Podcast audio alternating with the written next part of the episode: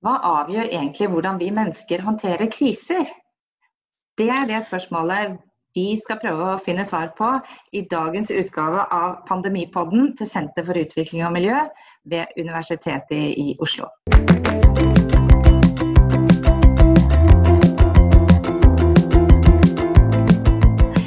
Mitt navn er Benedicte Bull, jeg er professor ved senteret. Og i dag skal jeg snakke med Nina Vitocek, som også er professor ved Senter for utvikling og miljø, og som har en liten tendens til å skrape borti noen av våre eh, oppfatninger av hvordan vi nordmenn er selv. Nå håper jeg ikke hun skal begynne å skrape borti eh, konseptet dugnad, som vi holder fast med, men god morgen, Nina. God morgen, hei. Hei, hvordan har du det oppe i krisa? Du er vel travelt opptatt av å følge med på kriserespons over hele verden? Ja, jeg har det dramatisk nok, eh, så takk skal du ha. Det er, eh, livet er uh, full av overraskelser. Bare i går hadde jeg en konferanse med mine iranske venner om menneskerettigheter som var hakket av noen iranske troll. Og da ble jeg oppmerksom på det at egentlig så er vi veldig sårbare angående vår tro på internett og på digitale løsninger. og vi ikke sant? De zoomer happily her, men uh, vi kan bli forstyrret på en alvorlig måte. Men for å komme tilbake til ditt spørsmål. Jeg tror at det finnes nesten eh, universell menneskelig respons til krise uh, hvis vesenet er blitt fanget av mine britiske venner som har sendt meg følgende reaksjon på pandemien i, i England. Uh, in stage one, we say nothing is going to happen. In stage two, we say something may be going to happen, but we can do nothing about it. In stage three, we say maybe you should do something about it, but there is nothing we can do. In stage four, we say maybe there is something we could have done, but it's too late now. So dette er egentlig en slags uh, interessant bevegelse fra fornektelse uh, til etterpåklokskap, og etterpå til uh, en slags rasjonalisering av fornektelse. Og det oppdages i mange kulturer, men ikke i alle, og ikke i samme grad. Det fins forskjellige reaksjoner i Norge og i Sverige. Til og med veldig lignende land reagerer på, på, på en forskjellig måte på kriser. Eh, det finnes en eh, klassisk eh, respons i Somalia. Det finnes også en respons i Polen eller, eller til kriser. Polen spesialiserer seg på kriser, så det, sine, det er et land som har et veldig eh, spesielt respons. Eh, eller i Ungarn. Det finnes eh, mange forskjellige holdninger som er dypt befestet i kulturen, som er kulturens tyngdekraft, som påvirker eh, våre måter å takle kriser på. F.eks. Norge. ikke sant? Vi har eh, en holdning som sier at eh, alt vanligvis går så bra at, at ingenting kan ramme oss.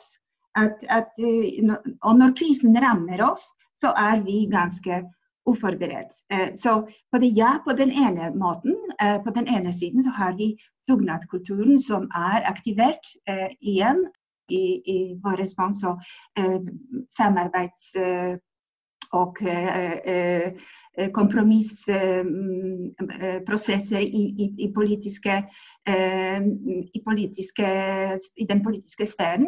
Men det fins også den slurvhet Eh, sånn klinisk avslappenhet eh, som er typisk skandinavisk, typisk norsk, som gjør at vi eh, har den holdning at vi er egentlig vi er immune til kriser. Eh, ikke sant? Og det, det, det vi ble straffet eh, i, i, La oss si når Breivik uh, drepte våre barn, og vi, vi ble vi blir straffet igjen. Vi har ingen utstyr på sykehus. Vi er dårlig forberedt med, i helsevesen. Og alt er i kaos på et vis. Så um, dette er egentlig verdens beste land-syndrom. ikke sant? Uh, det er det ene. Uh, og, og uh, men, men synes du, er det, er det, veldig annerledes i andre land? Du følger jo med på mange land, men også Polen. Er, er, det veldig annerledes? Er man mer forberedt på kriser andre steder? Er det, og er det mest sånn mentalt, eller er det også faktisk fysisk at de har bedre utstyr og det er både mentalt, men den, den, den, mentaliteten er veldig ofte oversatt til politiske kulturer. Så f.eks. i Polen så er vi mentalt forberedt på kriser og, og katastrofer. Hvis det ikke er en katastrofe, eller hvis det skjer ingen katastrofe, så er noe galt med virkeligheten. Det er den polske holdning. Så er det noe galt, så leter vi etter noe. Og det betyr ikke i det hele tatt uh, at vi er forberedt. Vi er forberedt mentalt, men vi er ikke forberedt institusjonelt. Hvorfor? For vi, vi er egentlig uh, fremdeles uh, um, aspekter av gamle Homo sovjeticus, som var en slags postkolonial eller kolonial vesen som ventet alltid på svar fra myndigheter. Eh, det betyr også at det individuelle initiativet, individuelle beredskap, var begrenset. Og eh, eh alt, eh, alt, kom enten fra Gud, jomfruen, eller fra myndighet, politiske myndigheter. Jeg tror at den holdning deler polakkene med latinamerikanere eller, eller, folk som var kolonisert i mange mange år. ikke sant?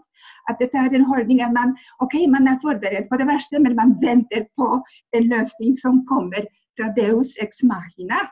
Og, og dette er egentlig en ganske interessant uh, forskjell mellom polakkene og f.eks. svenskene. Det som er interessant i Sverige, uh, er egentlig 200 år av uh, tillit til um, statlige institusjoner. Det betyr også Jeg snakker her om institusjoner i, som, som, som, er litt uavhengige av politikere. Og, som, og, her er det forskjell mellom Norge og Sverige. Fordi den uavhengigheten av politiske eller statlige institusjoner av staten er nå veldig synlig i, reaksjoner på kris, i, i, i svenske reaksjoner på krisen. Nemlig det er eksperter som sier, eller helsevesenet som sier det og det, og folk følger helsevesenets uh, instruks. Er, politikere har ingenting å si. Uh, politikere her skal ikke uh, komme og forstyrre eksperter. Hvis eksperter sier åpne skoler, så åpne skoler. Hvis helsemyndigheter sier gå på hytta fordi det er fint å, å dra på hytta og folk skal dø uansett, så drar folk på hytta. Her i Norge har vi ganske sterk politisk kultur, eh, distriktkultur, som sier ikke sant? folk fra byen skal være i byen, de skal ikke komme og smitte oss her. Og her er politikere som bestemmer ikke sant, hva gjøres i landet. Så det er veldig interessante små nyanser og små forskjeller mellom forskjellige kulturer. Men vi, opplever jo nå etter hvert, altså jeg kjenner meg igjen i dette her, tenker først dette ordner seg, dette går over. Og så begynner man liksom litt etter litt å, å, å ta det inn over seg. Men tror du faktisk at denne enorme krisa kan også endre litt hvordan vi tenker om ting? Ja, den, uh, jeg har en teori som, som, som er litt uh, inspirert av Paul Krugman, nobelprisvinneren i økonomi, som, som, snakket om zombie-ideer som vekkes i kriser. Det betyr også som befestede holdninger og ideer som, er på mange måter våre, uh, våre som, som gjør at de er en kompass for oss, ikke sant? hvordan vi skal oppføre oss. Uh, og uh, skjeletter som ligger i, i, i, skapet som kommer ut. ikke sant? Så skjeletter i skapet respons, eller også ånden i flaskens respons. Så det betyr også det er to, to forskjellige måter å, å, å, løse kriser på. Og mitt inntrykk, Hvis vi tar f.eks. Shakespeare, som har uh, skrevet sine beste stykker under den store pandemien på slutten av 50-100-tallet i, i England, han, han, han, skrev egentlig Macbeth og, uh, i, under den, den, verste pesten i, i, i renessanse-Europa.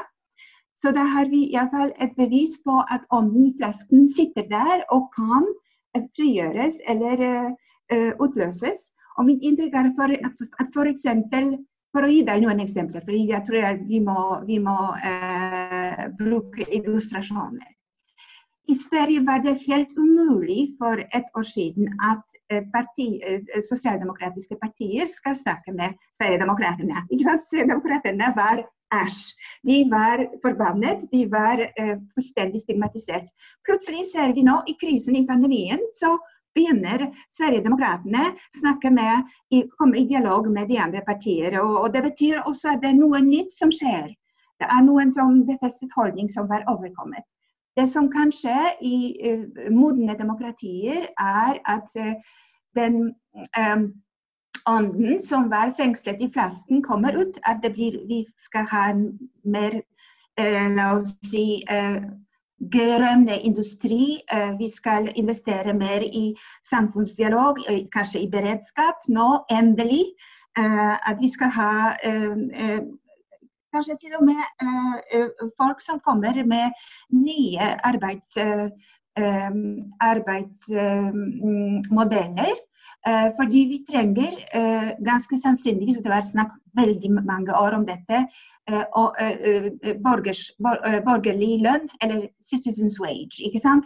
Og Det var snakk om dette og snakk om dette, men ingenting har skjedd. Men det kan skje egentlig at nå i modne demokrati demokratier som Holland, Norge eller Sverige blir borgerlønn en vanlig eh, måte å, å uh, både løse krisen på og, og, og, samtidig kanskje bygge opp fremtidens økonomi. Men uh, du snakket også kanskje om Polen, fordi det er, det er et interessant land. fordi det Polen eller Ungarn. Vi snakket om, demokrati og frihet. Eh, det er som umodne demokratier hvor eh, det kan gå begge veier.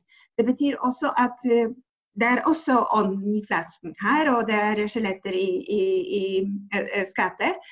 Skjeletter i skapet er der. ikke sant? Det er disse autoritære tendenser som har alltid vært uh, veldig forankret i samfunnet, som vi har studert, og de er der egentlig som et land som, som sitter mellom øst og vest. Uh, og, uh, og de, er, de, er, nå utløst og, og, skremmer samfunnet. Men samtidig så er det en tradisjon for en veldig rik sivil motstand og eh, opprør mot autoritære styringsformer, som er også en tradisjon som er forankret i det polske samfunnet. Vi hadde jo Solidarność? Vi startet den, den største antiautoritære revolusjonen i Europa. Så Det betyr også den tradisjonen våknes plutselig. Og nå ser jeg egentlig frem til samtaler med polske venner at den, um, den uh, kaotiske, det kaotiske politiske landskapet begynner å endre seg. At det blir mer solidaritet, det blir mer uh, dialog, og det blir mer kanskje åpenhet til uh, å, å, skape en front mot autoritær styre i Polen. Jo, for vi hører jo om en del ting som, som, gjør oss bekymret for at vi går at denne krisen også skaper grobunn for mer autoritære trekk over hele, hele, verden, egentlig. Men du tenker altså at her er det to, her er det i hvert fall to sider av den saken? Ja, det er to scenarioer. Eh, jeg leser eh, egentlig jeg har bare avisers kunnskap, så jeg leser New York Times. ikke sant? Og da har jeg lest om eh, tegn på det til og med i Kina Eh, eh, protesterte mm, eh, unge studenter på universitetet i Fudan i Shanghai på innskrenkninger på, på individuelle friheter. Det var første tegn at til og med i Kina noe har våknet. Men, men nå er det en spøkelse av arbeidsløshet, 30% arbeidsløshet, som begynner å, å plage unge kinesere. Og det er det skjer veldig mye på sosiale medier. Det, det, det er veldig mye inkrypsjon. Det betyr også forsvar mot uh, hacking fra, fra uh, uh, kinesiske ledere, leser jeg i aviser. Så det betyr også at kanskje det er en krise som ikke nødvendigvis ut, utløser samfunnsprotest, fordi man kan ikke treffe hverandre fysisk, men utløser i hvert fall en, en um, mentalitet som er, eh, er, orientert mot frihet, mot, eh, sant, mot uh, demokrati, mot kanskje til og med mot, fordi man mangler mot. ikke sant? Og Den eneste måten å få mot er å handle sammen og overkomme redselen. For redselen er, er vår største fiende. Det syns jeg var en veldig fin måte å avslutte på. fordi at, og det er altså både, Vi kan få zombieideer, men vi kan også få gode ånder ut, som kommer ut av flasken i løpet av denne krisetida. Jeg stoler på at du fortsetter å observere både oss og, andre merkelige, merkelige species over hele verden. Tusen takk for praten, Nina. Takk skal du ha. Ha det.